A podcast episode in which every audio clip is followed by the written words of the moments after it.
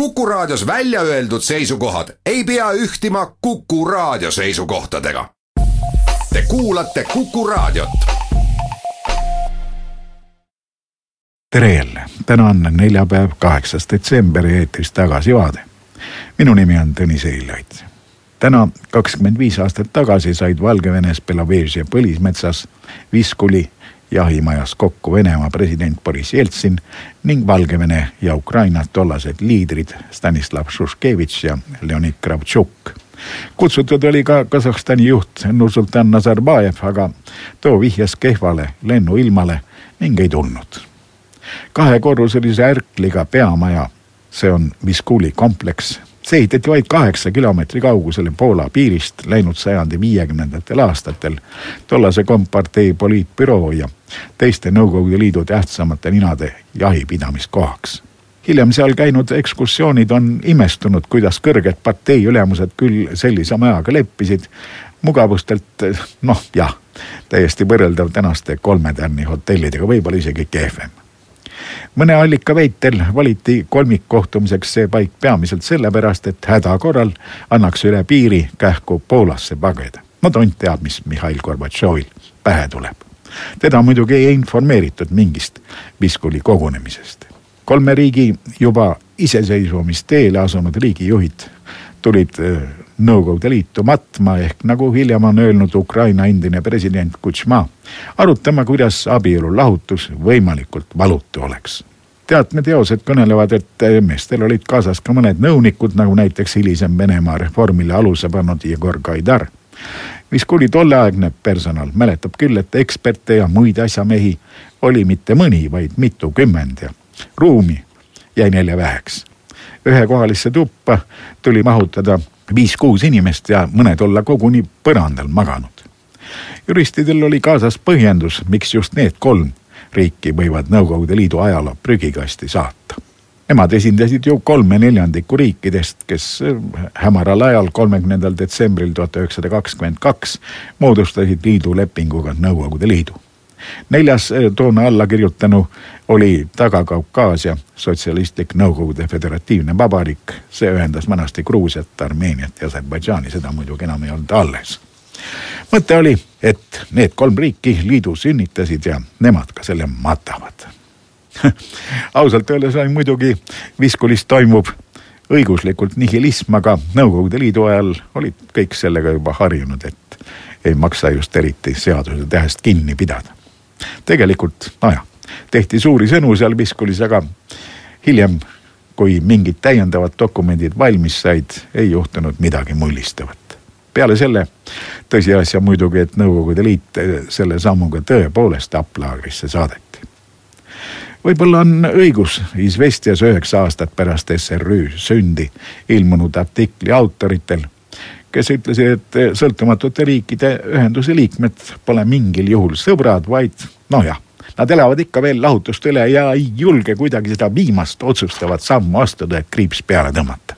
Valgevene KGB oli muidugi Viskuli kogunemisest teadlik ja saatis oma eriüksused kohale ühelt poolt riigitegelasi valvama, aga teiselt poolt, et noh, kui Moskva elamused väga tungivalt hakkavad käskma, siis tuleb nad arreteerida no Moskva suhtumine oli pigem selline, et tuleb valvata, mingit rünnakukäsku ei tulnud.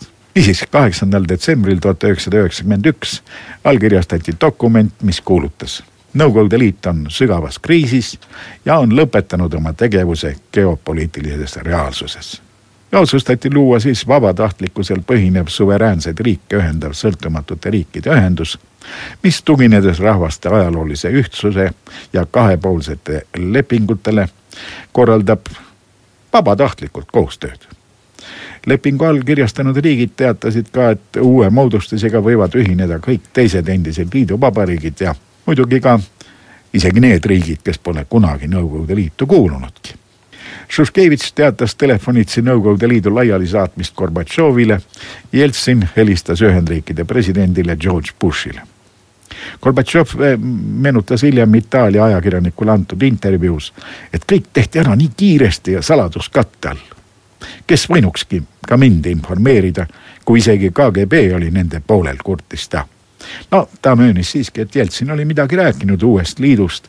tema aga pidanud seda kavaks, kuidas Nõukogude Liit reanimeerida, sõlmida uus liiduleping, millega kõik peale Balti riikide rõõmuga ühineksid. aga Jeltsin olla ikka teda petnud. kaheksas detsember oli seetõttu minu jaoks kohutav päev.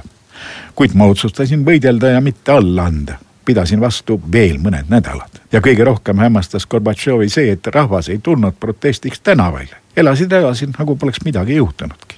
veel tegutses Nõukogude Liidu konstitutsioonile kontrolli tegev komitee, mis SRÜ lepingut arutas üheteistkümnendal detsembril. Viskoli leping tunnistati kehtetuks allakirjutamisest saadik.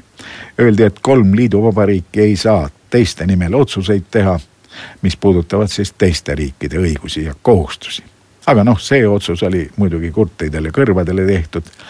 SRÜ aluslepinguga ühinesid riburadaga endised teised liiduvabariigid, kes võtsid vastu nõndanimetatud Alma-Ata deklaratsiooni kahekümne esimesel detsembril tuhat üheksasada üheksakümmend üks kahekümne viiendal detsembril tuli lõpuks Mihhail Gorbatšov telekaamerat ette ja teatas, et ta pole enam Nõukogude Liidu president väliselt oli ta rahulik, aga tunnistas hiljem, et sisemiselt kees raevust.